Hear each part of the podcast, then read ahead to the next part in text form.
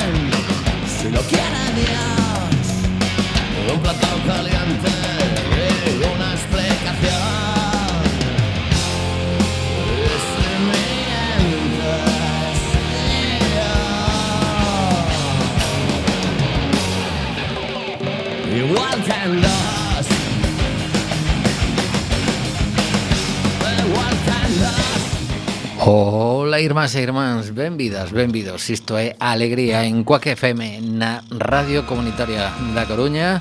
Estamos a 3 de maio do 2023 Isto pasa a un ritmo absolutamente frenético. Estásenos pasando a vixésima tempada de alegría Que nin nos enteramos. Mr. Bugalú nos mandos técnicos desta nave que agora mesmo despega. E Tommy Desastre neste precioso micro do estudio José Couso. Música Temos de fondo ao noso querido Tito Tito Puente, iba a decir Fuente, non sei por qué. E mm, hai que celebrar que a cidade vai acoller eh, un concerto de Rubén Blades o 20 de xullo ímolo escoitar eh, no programa de hoxe. Quedoume metidiño aí no corazón o día que actuou na Praza da Quintana e non puidemos achegarnos por un lío que se montou aí coas invitacións que repartían eh, nun espazo concreto da cidade de Compostela. Eh, pero agora cun pouco de sorte pois conseguiremos entradas para ese 20 de xullo creo que no Peirao de Calvo Sotelo ou algo por aí.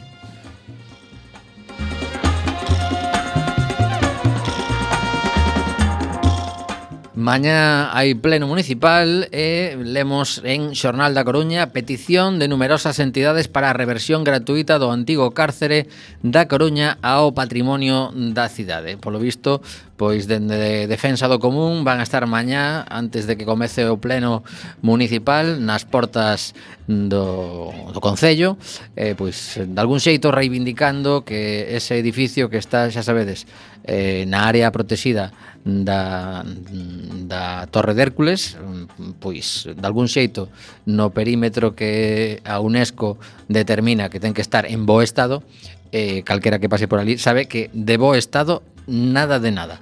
Eh, aínda é un, un patrimonio do Estado, dunha das empresas públicas eh, existentes e mm, sabedes tamén que hai unha negociación, polo visto, de que se pague unha cantidade X por mercar ese edificio á cidade. E claro, cando o actual propietario non meteu un peso aí máis que en seguridade, en ter ali unhas persoas pagadas na, na porta por mm, patrimonio público pero o edificio estáse a caer a cachiños, pois eh, semella que xa bastante favor lle facemos se o acollemos de xeito gratuito, a partir dese momento, pois eh, o Concello da Coruña sería o responsable de coidar ese edificio, de empezar a meter cartos ata que se algo utilizable e habitable. Así que se si estás de acordo e tes tempo, pois mañá ás nove e media diante do bazo de Marapita, María Pita, de algún xeito o que se está buscando con isto é mm, que os partidos políticos que se presentan ás eleccións municipais, xa sabedes, ni máis ni menos que 12 candidaturas, pois eh, tomen postura de algún xeito e digan se si están de acordo con isto, se si non están de acordo ou que se calen.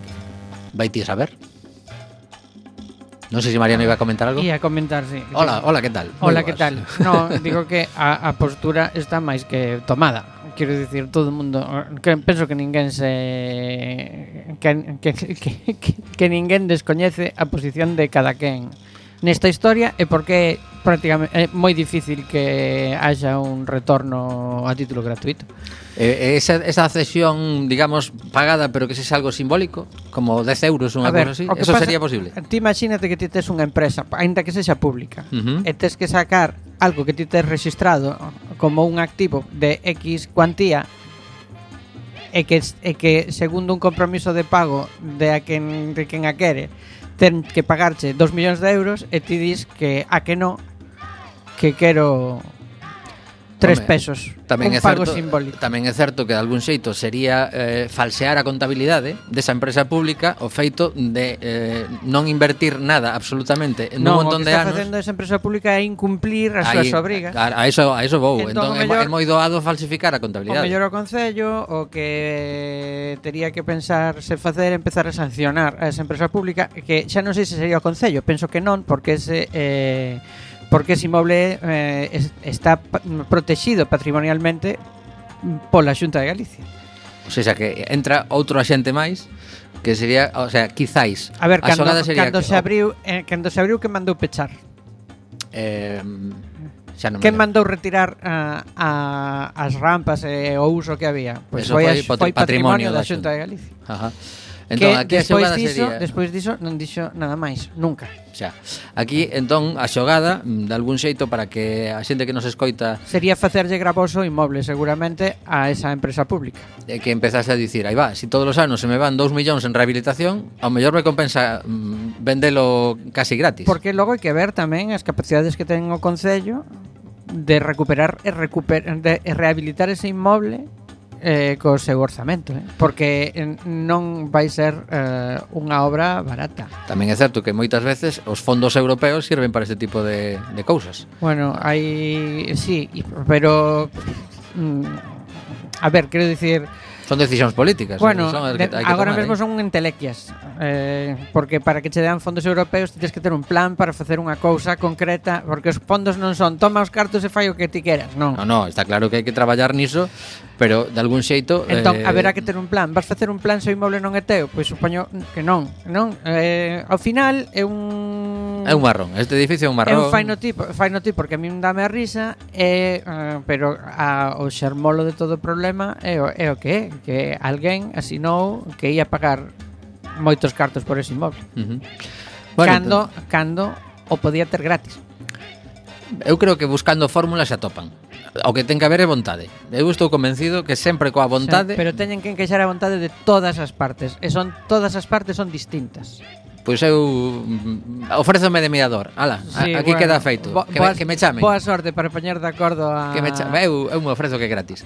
Ofrecerme. E non, eso, por suposto, procurar non cometer ningún delito. Home, evidentemente. Claro, eh, co, no, na movida Prometo de que, non cometer delito. De que haxa, de que haxa un, unha perda patrimonial para algunha das partes involucradas. Porque, claro, ti non podes, eh, con cartos públicos, asumir unha perda patrimonial por moito que eso recaia en ver, beneficio da outra, de outra entidade pública. Pero tamén sabemos que hai, ao longo da historia dos últimos anos, tanto mm, patrimonio de defensa como patrimonio de outras administracións públicas que foi cedida a unha unha eh, terceira administración eh, de algún xeito busca, bueno, buscando falando, fórmulas. Se está falando estes días, xa o dixo a ministra de Defensa co asunto do plan de vivenda, que o ministro de Vivenda non pode ceder eh, a título gratuito todos esos inmobles porque sería ilegal. Claro, en, entón pero, algo van pero unha cousa que sexa, van recibir. Claro, pero unha cousa é que sexa eh, O que pasa é que non é o mesmo que tío sacas do peto dun ministerio e metes do peto outro ministerio cando ti o mesmo goberno que cando empezas a ter eh, outras eh, outras administracións que están fora dese goberno involucradas no asunto. O mellor hai que buscar unha mm, nova fórmula que sexa o típico consorcio que se constitúe para xestionar ese edificio. Claro, pero ollo, que pasa? Que se ti fas iso con, con, ese, con ese edificio eh, metes unha chede de cartos públicos o que se vai pretender é que logo o control dese edificio sexa público. Claro. Público dunha administración do, ou, non, dese, ou dese consorcio. Non o que reiteradamente ten aprobado o Concello da Coruña que que pase a ser patrimonio da ciudadanía e xestionado o, por unha entidade do terceiro sector. Outra cousa que ese consorcio se constitúa tendo en conta que eh, xa houve xente pode... que acabou en xuizo nesta cidade por, por esa historia, eh? Tamén é certo, tamén é certo. A verdade é que este edificio dá para para falar moito. Eh, o que imos facer xa é escoitar a primeira canción do programa de hoxe, un grupo madrileño que vai a estar o 13 de maio dentro do ciclo Elas son artistas, chámanse Hermana Furia. E eh, creo que é unha boa canción enérxica para comezar o programa e ir desgranando as novas que temos ao longo dos vindeiros minutos. Isto son Hermana Furia.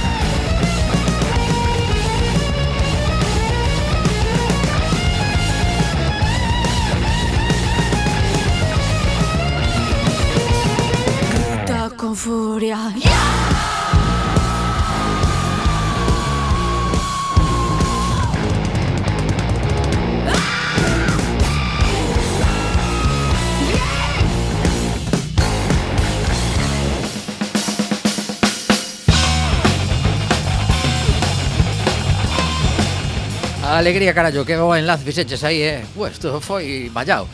Eh, elexidos xa os componentes das 295 mesas electorais do 28 de maio na Coruña. Onte celebrouse ese pleno municipal no que eh, estamos no bombo e agora agardar se nos toca ou non nos toca. Vixia, vixiado buzón. Carallo, bueno, eh, ten que ser entregado fehacentemente, creo, eh? non vale deixalo ali. Buzón eh. tres días. No buzón, te queda aí... A ver, certificado, pero... Eu creo que eu creo que ten que eh, subir a que certificado. a cines. Claro, claro. Se tes un certificado no buzón, tes que ir por él eu creo a, eu a vez que me tocou de suplente o tipo subiu e eu asinei que recibía. Porque un certificado. Claro, pero Pero ah, bueno, ti non estás, ah, vale, vale, tes que tes, claro, chega eso que tes que ir a correos, que te salía a comunicación. Correcto. Bueno, pois pues iso, que xa se saberá e despois hai un, un plazo de alegación en caso de que por algún motivo non podas eh, estar ese día na mesa electoral Non que vale está, facer trampa, eh? Están tasados, están tasados. Claro. Agora se admiten máis, sei que para esta, hai novidades. Ajá. Pero, pero pero non me ser, eh? Bueno, exacto. Si hai que si hai que ir, non empeces a investigar sí, cousas claro. cousas raras aí de, no, é que ese día vou ser aducido polos ovnis. Eh, no. Sí, no. No. Que eu xa fun unha vez nunha mesa sendo segundo suplente, eh? Bueno, pois pues, eh, era o meu caso tamén, eh, non tiven que quedar. A min quedaronme dúas veces dúas veces seguidas. Bueno. Eh, Abel Caballero, falábamos antes de cousas que non se poden facer. E aquí a creatividade eh, mm, chega a este contrato de patrocinio do, do concerto de Guns N' Roses. Atención, Mariano, que é moi interesante. Ai, Dios. Abel Caballero destina 1,9 millóns de euros para Guns N' Roses e lembremos que é unha especie de pelexa que ten coa Xunta de Galicia porque o ano pasado foi a Xunta a que aportou 2 millóns 400 e pico mil euros para Muse vale? Un concerto que xa ten todo vendido e que precisa deses cartos. Que van facer con, con esa cantidade? Bueno, pois aquí máis abaixo nos explica eh, unha información del diario.es que se foi, se foi ao portal de transparencia do Concello de Vigo a investigar eh, que pon exactamente ese contrato para para que se poda celebrar entre comillas, se poda celebrar porque evidentemente vai ser un, un evento seguramente moi rendible para a empresa promotora. E aquí nos contan o seguinte no caso de Guns N' Roses que tocará o vindeiro 12 de xuño a promotora que se faga coa sustanciosa bolsa deberá poñer en marcha un ambicioso plan de inversión publicitaria en medios que xa foi esbozado pola xunta de goberno local do Concello de Vigo e que prevé comenzar a repartir os cartos e iniciar a difusión en anuncios a partir do 24 de maio, a última semana de campaña electoral. O plan que Ademais, pero está vendido todo. Sí, bueno, sacaron unhas poucas entradas máis hai 4 días. Exactamente que sentido ten publicitar algo que xa está vendido? Pois promocionar a cidade como a acolledora de Guns N' Roses eh, no noroeste español. O sea, ti tes que dicir, somos os máis molóns, e temos eh, a Guns N' Roses en Vigo e ten que enterarse todo o mundo. Entón hai que poñer parte deses cartos vale, que usas, usas o concerto, ou usas a publicidade non para publicitar o concerto, senón que usas o concerto para publicitar a cidade. Correcto. O plan prevé difundir a marca da cidade en torno ao evento, Prevé, así mesmo, repartir centos de miles de euros en radios, televisións e xornais para tamén eh, instalar vallas e cartaces eh, ademais do uso de redes sociais para difundir a chegada dos músicos de Hollywood na primeira a primeira cidade de Galicia apenas unha semana eh, Pero entón os cartos desa publicidade ah, para quen van? Para unha empresa de publicidade ou para a promotora do concerto? Claro, aquí está a xogada. A xogada vai ser a seguinte. Alguén ten que presentarse, seguramente, como quen ten... Porque espera, que aquí, agora ven o truco, eh? Aquí está a xogada. Quen vai poder optar a ese concurso? Ben, Pois eh, chegamos aquí abaixo e di o seguinte. Ainda, ainda quedan un par de párrafos para chegar a, ao meollo, que é o máis bonito de todo. Fontes do consistorio aseguran que, ademais, polo momento, a administración que preside Abel Caballero non ten relación algunha con concerto de Guns N' Roses. A afirmación non se asusta á realidade, xa que o evento, cusas entradas foron vendidas na súa práctica totalidade, celebrarase no Estadio Municipal de Balaídos, de xestión municipal. Eh, el diario.es preguntou a un portavoz do consistorio se ten algún tipo de contrato de aluguer ou cesión dese espazo. Non obtivemos resposta. O encabezamento da millonaria licitación aloxada na plataforma pública anuncia o seguinte. Aquí está o bonito. Comillas. Patrocinio, no ler en castelán que como parece aquí. patrocinio de un concierto internacional a celebrar en Balaídos entre el 5 y el 27 de junio por importe de 1.891.946,12 euros. Requisito para optar a este contrato.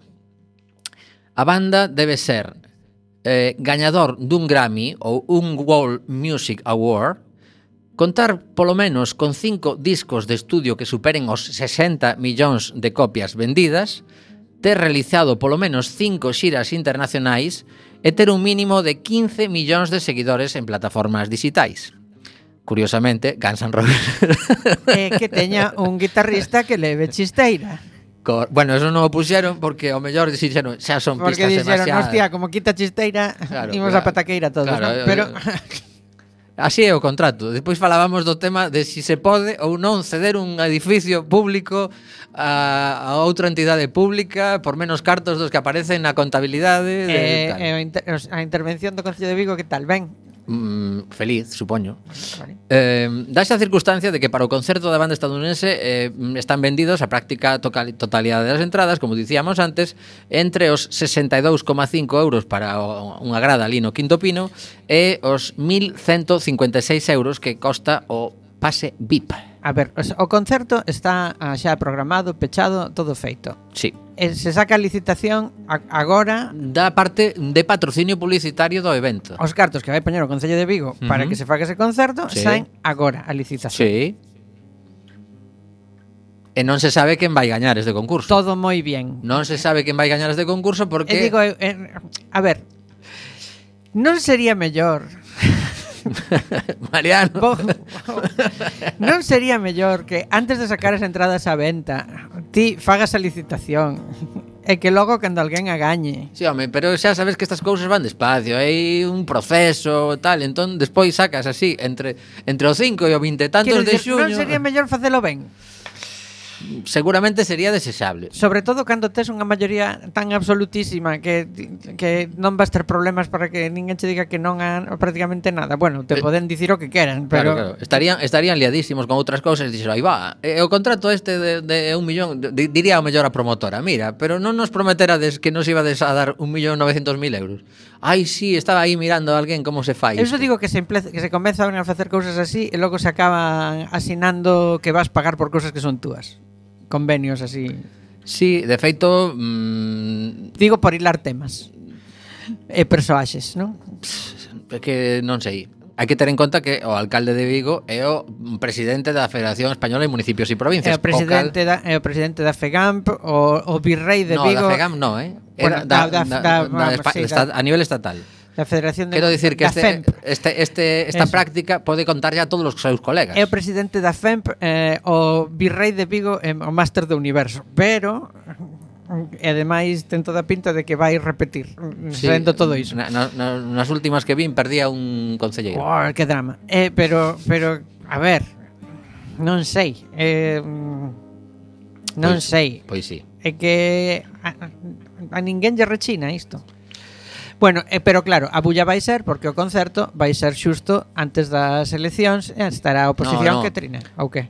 O concerto despois das eleccións, ah, que, o, das eleccións. que é o 12 de xuño. O que pasa que a promoción da de cidade comeza o 20, ten a obriga, o que gañe este concurso. Está todo empapelado antes. O 24 de maio empeza a verse por todo o planeta.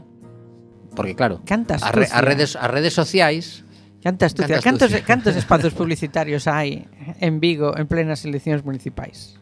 Claro, o que non sabemos Cando vai aparecer unha xente con, con un chorrón de cartos. Que aquí a pregunta é eh, Estará prerreservado todo ese espazo a nivel galego Tendo en conta que en paralelo hai unha campaña electoral non, Ou sei. pensa unha cousa, que o mellor Durante os días que dura a campaña eh, Céntranse nas redes sociais Que tamén está contemplado E despois, unha vez que remate to, tempos. todo todo o tem, o todo os espazos que estaban copados pola a ver, publicidade que eu que non vexo necesidade de facer unha cousa así, o sea, porque Home, cando cando fas algo tan grande, adoita, tens que contalo. Adoita ser chapucero, o sea, ten pinta de ser chapucero, non? Pero quero dicir non tes necesidade de facelo así, o sea, podes facelo ben, con tempo, non? Que, que problema tes? Uh -huh. Bueno, pasando á cidade da Coruña para avanzar no programa, eh, conta la opinión que a un ciclista que se lle ocurriu ir eh, en dirección contraria, conducindo o tramo que hai diante do Hotel NH Atlántico, Eh, bueno, no, Eurostars, ahora non é NH, Eurostars Atlántico, que é, digamos, enfrente do edificio de Palesco, onde está a discoteca Pelícano, ti vas eh, por, polo xardín, entre xardíns, onde paran todos os autobuses, sí. xiras á esquerda e vas en dirección contraria só hai un carril aí que queda. O sea, os que te veñen, o, o, imagínate, te eh, vas a sí, traballar ao hotel. Xardín, pero sí, por, ali por diante do hotel xusto só hai unha dirección. Sí. Efectivamente, entón este este home mm, meteuse por ali en dirección contraria coa súa bici que leva 40 anos con ela, que a foi tuneando e tal, eh, viu unha policía local, dixo, ven para aquí, compañeiro, que faz?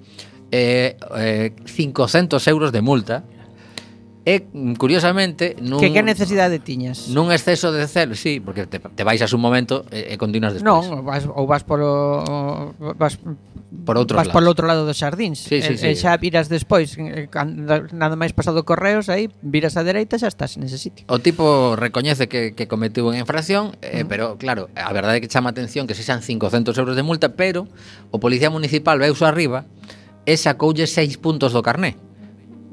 O que resulta é que por ir en bici non te poden quitar puntos de... Ai, non. No? Según pon aquí, mira, vou ler a nova porque me parece moi interesante, incluso para o voso programa de ciclismo. A mí pareceme moitísimo 500 euros de multa, eh, non? Di aquí este home. É a primeira vez que me multan, que recoñece a infracción, aínda que considera injusta a sanción e que cando lle deron o, o papeliño da, da denuncia, eh, non só lle exixiron o pago de 500 euros, sino que lle advertían de que lle retirarían 6 puntos do carné de conducir. Esta multa, sin embargo, só será económico xa que, tal e como confirmaron a este diario, fontes municipales municipais e tamén fontes da Dirección Xeral de Tráfico, non é legal quitar puntos de carné de conducir a un ciclista, aínda que teña cometido unha infracción coa bici. Bueno, ten certo sentido porque eh, non se exixe sacar o carné para conducir en bici.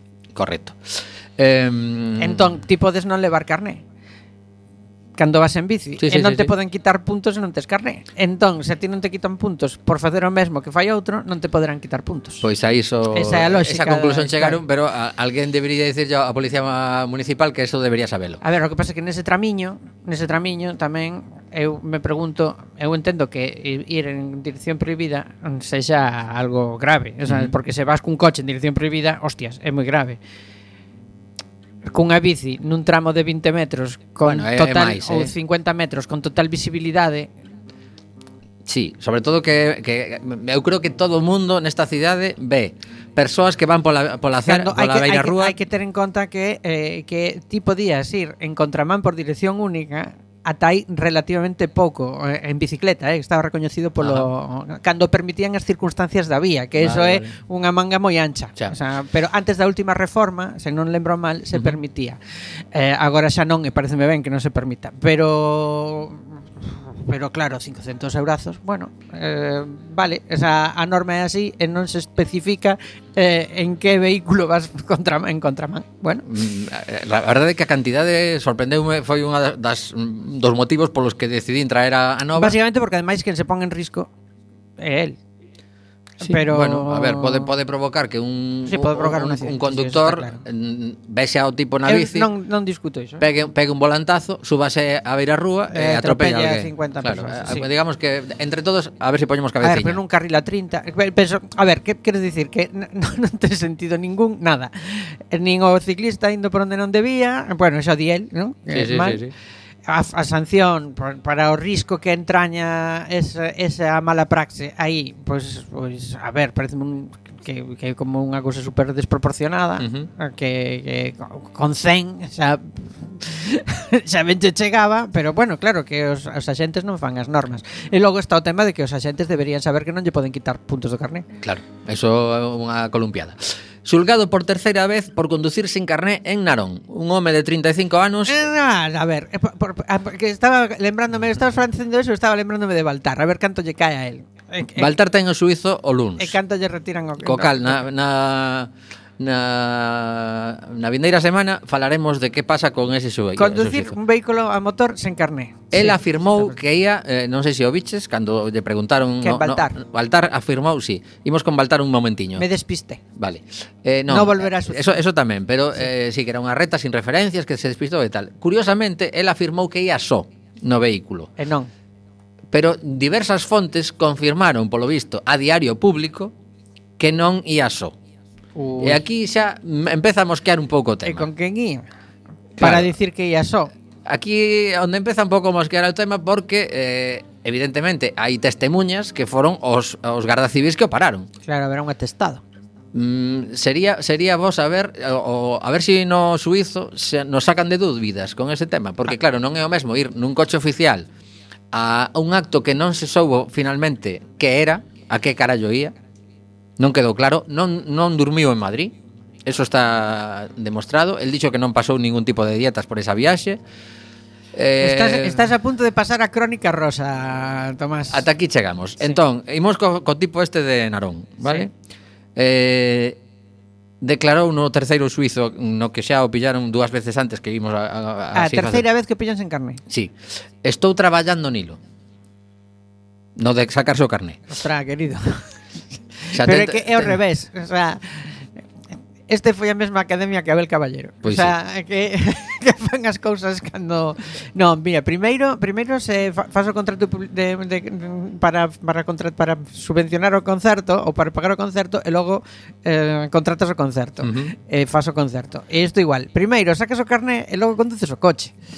Porque que senón, carajá, listo. Uh, Tanto a abogada do acusado como el aseguraron que se trasladaba en coche por un motivo de urxencia, xa que necesitaba ir a unha farmacia para comprar un inhalador polos seus problemas respiratorios. O fiscal tratou de minimizar este argumento eh, para dicirlle que existen os taxis, eh, outro tipo de, de vehículos públicos é que si todo o mundo que non ten o carné lle entra o apuro de comprar un inhalador e se colle un coche, pois pues temos un Eu problema. Eu entendo que é un caso difícil de defender. Sí. Eh, xa foi condeado en febreiro de 2020 a 60 días de traballos en beneficio da comunidade por conducir sen permiso. Pero vai sacar o carné e cantos puntos vai, vai deber? Xusto un ano despois, en marzo de 2021, voltaron a condealo por conducir sen carné a 12 meses de multa e pena que aínda estaba eh, pendente de cumplimento. En esta terceira ocasión que se, sinta, que se senta no banquillo, polo mesmo motivo xa lle piden penas de cárcere. Eh, É que tomarse estas cousas así de cachondeito, pois ao final, claro, pero a cousa o fiscal pide neste caso sete meses de cárcere por circular sin carné e a gran velocidade polo inferniño. Eh, Ademais a gran velocidade. Eh, no, no último suizo que se celebrou foi eh, non este, sino o anterior foi sin presenza do encausado ao que se lle solicitaron seis meses de prisión por ir en, en moto neste caso o sea, sí. un, un crack, unhas, un crack. unhas do motor. Bueno, pois pues traíamos isto para sacarle un pouco mm, de, de ferro a, as, as novas anteriores, pero realmente non ten ningún tipo de gracia porque evidentemente este tipo de persoas son as que poden provocar accidentes. Bueno, mm, calquera tipo de persoa pode, pode provocar accidentes. Sí, pero pero, pero, pero a ver, arriba, Estoy las pedindo, eh? eh pois, pues, pois home, mal, mal. Mm, preocupante, preocupante. Eh, que ao David se lle cascaron 500 euros. Eh? Sí, sí. Isto é a terceira vez que pillan conducindo sen carné un vehículo a motor. Agora un coche que é un, que un arma en realidade, o sea, uh -huh. como como evitas que, que este tipo de persoas eh, colla un vehículo? Non se pode, eu penso, entendo que non se pode prever. Eh, eso, ou, tes metido no cárcere? Eso é, é, é, é imposible a prevención dese tipo de dese tipo de cousa é prácticamente imposible. Que pasa? Mm, o que sí que hai é disuasión, témome. Quero dicir que que, que, que, lle, lle que valle así... caer un marrón importante. Non, non, é que se lle, se llevan pedir penas de prisión, pois aí, pois, pois non sei, haberá que ver, o, habría que ver o caso, pero é que é que é reincidente por terceira vez. Pois e non sí. podes dicir estou nelo na terceira vez. Pues que, eh, Con 35 tacos. Que, eh, que es mayorcito, a ver, oh, querido. Que, bueno, pois pues sí. A Son... ver, a mí pareceme que para entrar para ingresar nunha prisión pareceme moitísimo, pero uh -huh. pues, a, pero é que estás en un perigo. Imos eh, falar cunha compañeira de Coac FM, aínda que agora mesmo non está en activo, pero xa sabedes que aquí consideramos compañeira a, a calquera persoa que estivo en algún momento na emisora, con Marta Casal. Iso será despois da canción que imos escoitar, pero como imos eh, falar dun unha curtametraxe moi interesante que, que podes ver mañá eh, na Asociación Cultural Alexandre Bóveda, no seu novo local ali na, na rúa Santo André, Pois eh, quero aproveitar para dicir que onte pola noite tive a ocasión de ver eh, Maisabel, a película eh, sobre a a, digamos, esa, esa etapa tremenda do, do País Vasco no que xa eh, pois está de algún xeito rematando eh, a, a loita armada de ETA e que comeza pois a, a poder incluso haber encontros este entre víctimas eh, asasinos é unha peli realmente recomendable cun traballo eh, do, dos actores e actrices espectacular.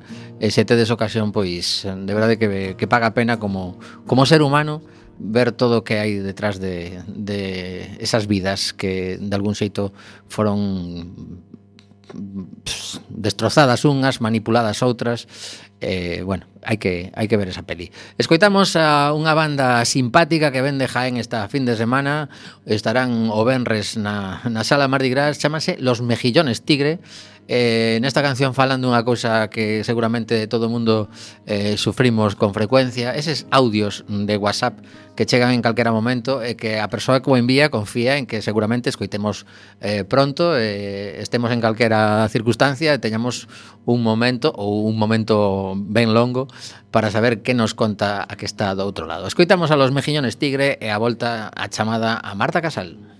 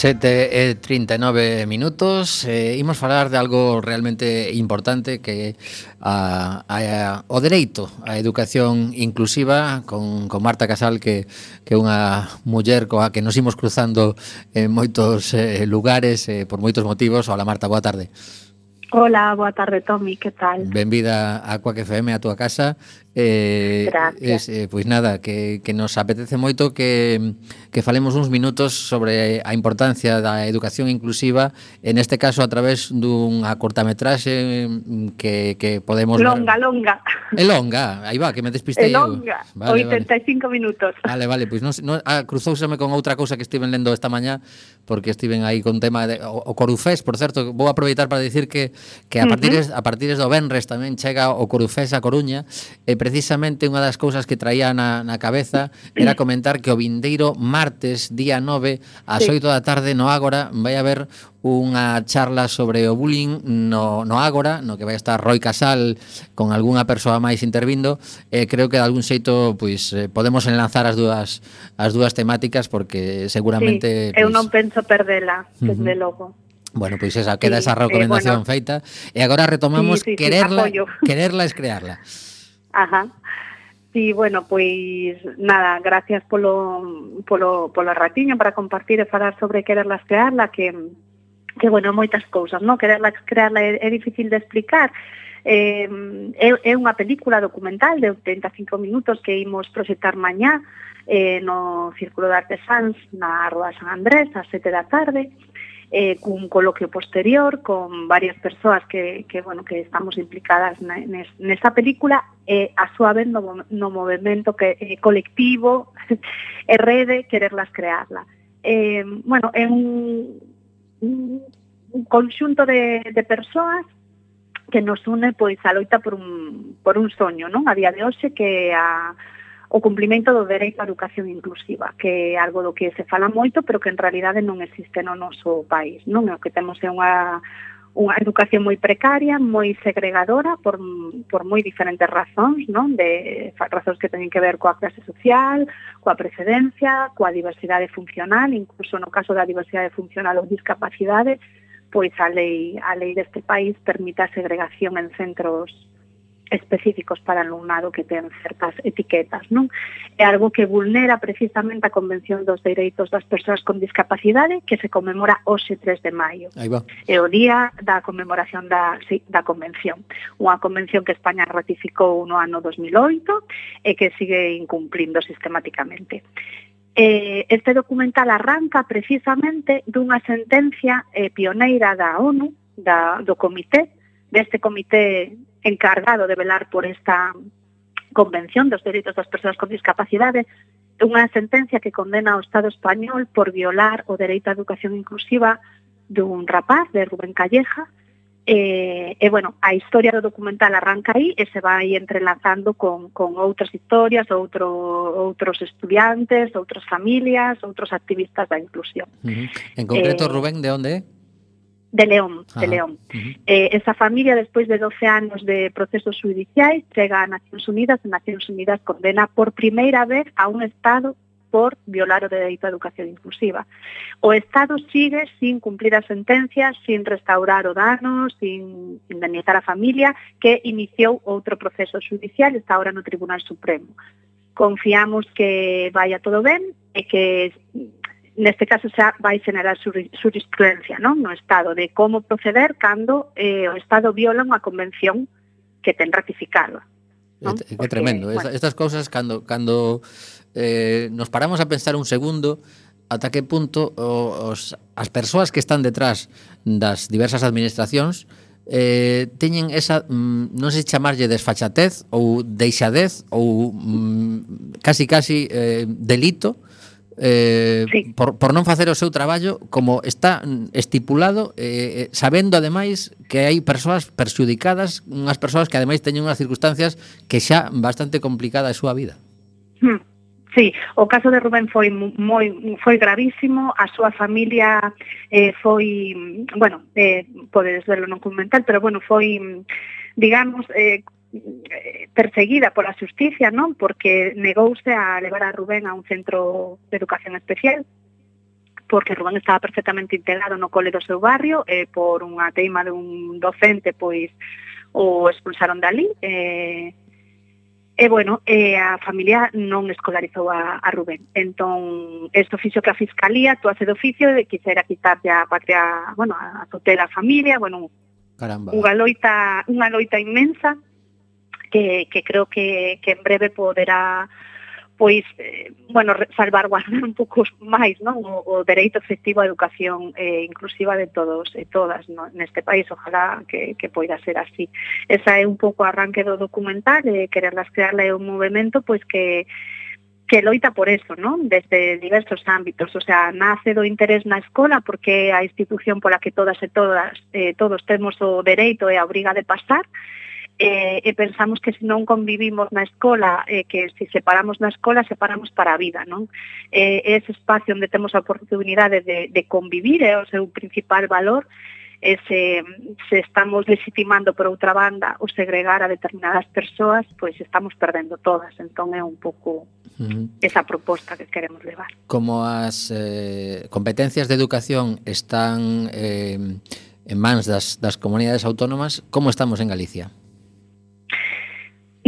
A ver, as competencias de educación están en manos das comunidades, a lei estatal marca eh, bueno, mar, xa dá un contexto, non? Eh, a lei estatal, aínda que fala de, de ter unha única... É dicir, hai un doble discurso. Por unha banda, eh, se fala do dereito a educación inclusiva, pero despois se establece un sistema segregado, non tanto con centros eh, específicos, aos que se deriva alumnado incluso ata agora en contra da vontade da familia, como en aulas específicas que é o modelo que está xurdindo agora. É dicir, non falamos tanto de centros específicos, sino que nos centros ordinarios, non que temos en todos os barrios, hai unhas aulas específicas onde se segrega alumnado que permanece aí a, mai, a maior parte do tempo.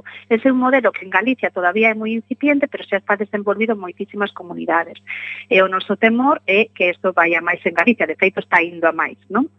Todavía é, é menor respecto a outras comunidades autónomas, pero é un pouco a tendencia contra a que queremos loitar, non? Uh -huh. Se non lembro mal tamén, unha das cousas que, que se pedían fai tempo é eh, que a Xunta de Galicia contratase a máis profesores de apoio e profesoras porque realmente eh, pois hai, hai mm, alumnado que precisa mm, ese, ese reforzo de algún xeito para, supoño que estar na clase, pois, eh, pois persoas xordas, etc, etc, eh, non hmm. sei se si se está cumplindo tamén a propia lei a hora de contratar ese... No, no tampouco que desfeita. No, non se está cumplindo, pero vamos a ver, unha cousa que nos queremos recalcar moito é que sempre se fala dos recursos, non? Por parte incluso dos actores da comunidade educativa, docentes, etc., se fala de recursos. É verdade que non se invirte en educación o que tiñamos que invertir e que a educación non vale nin para nenos que poden ter unhas necesidades Mm, máis particulares, todos temos unhas necesidades dun xeito ou outro, non? A educación, penso que ahora mismo está fallando para moitos nenos e nenas, moitísimos, a marxe de etiqueta, moitos mozos e mozas que están berrando que este sistema non les vale,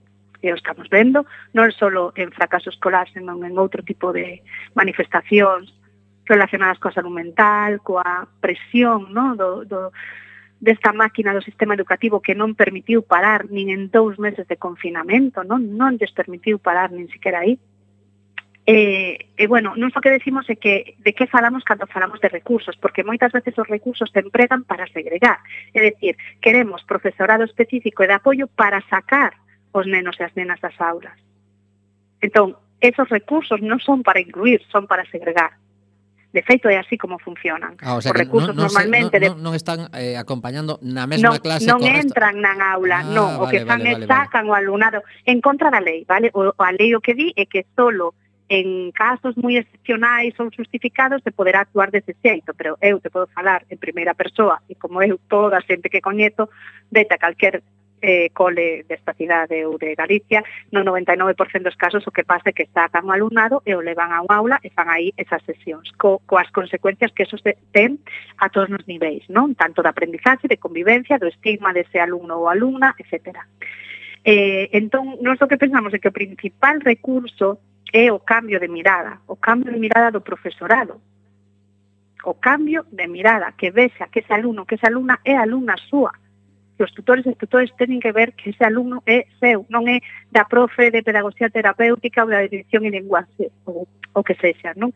E que para eso o que fai falta é unha sensibilidade e unha creenza e unha convicción de que, de que a educación ten que ser inclusiva ou non é, non? Para nenos con diversidade funcional e outros nenos e nenas que por diferentes motivos van a encontrar unha serie de barreiras na escola, non? E que o que temos que focalizar é onde están esas barreiras. As barreiras non son os nenos e as nenas, non? Uh -huh. Bueno, pois onde están no currículo, onde están na organización da aula, onde están na metodoloxía, non? E, e traballar sobre as barreiras, non? Igual que traballamos sobre as barreiras físicas, pois sobre as barreiras cognitivas ou ou relacionais, etc. Quero pensar bueno, que tamén... Tra... Perdón, perdón, acaba, acaba, perdón. Sí, no, nada, nada, sí, me dices. Non, que quero pensar tamén, non sei se ias eh, concluir con algo, perdón, que te cortei, No, no, vale. eh, que como non me cortes, Tommy, vale.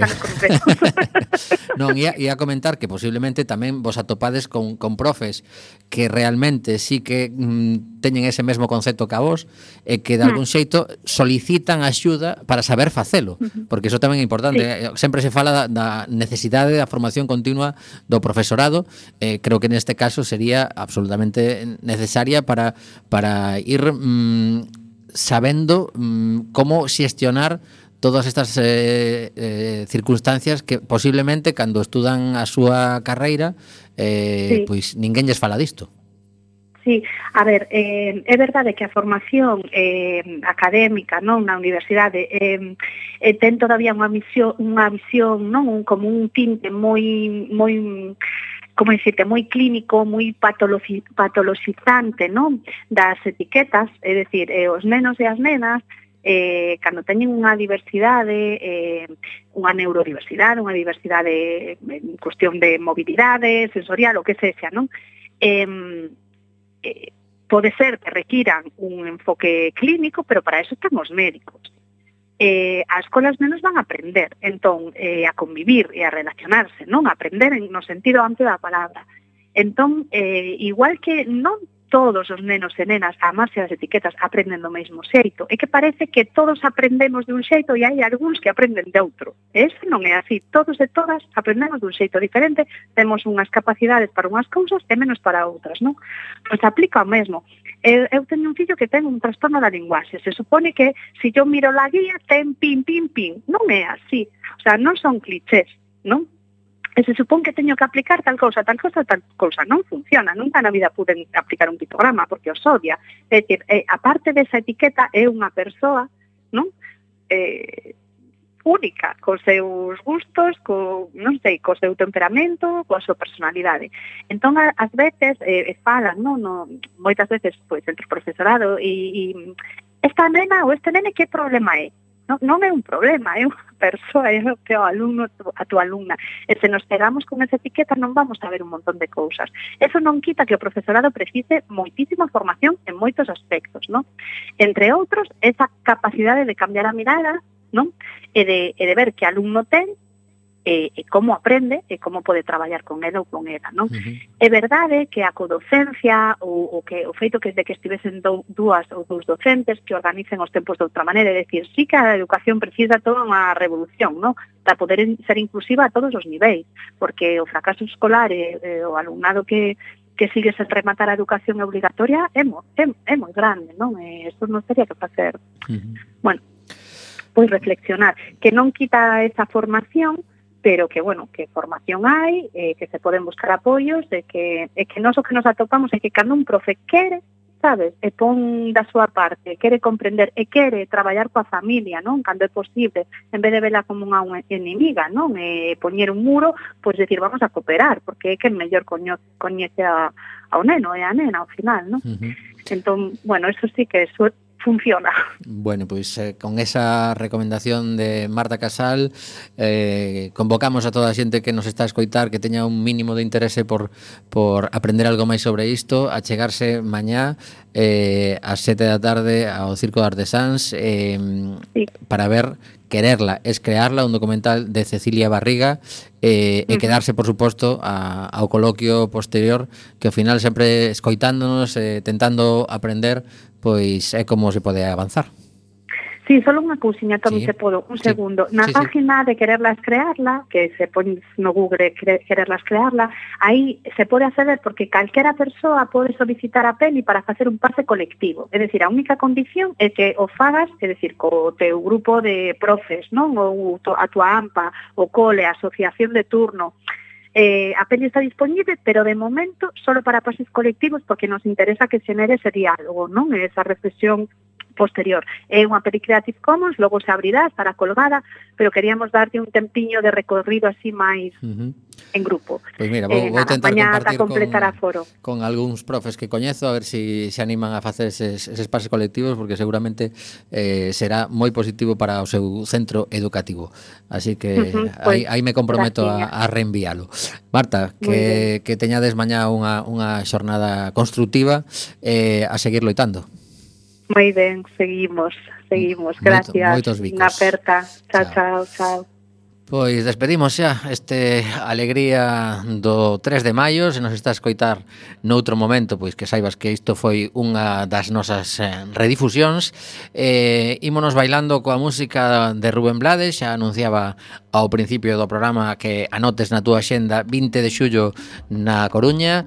Eh, hai moitísimas versións de Pedro Navaja unha das cancións que quedarán para a historia ah, que a súa vez é unha especie de versión tamén ¿no? de, de que era? de Mac the Knife. Ah, é verdade, sí, sí, certo, certo. Pois nada, aquí nos conta Rubén Blades unha historia maravillosa. Voltamos o vindeiro mércores.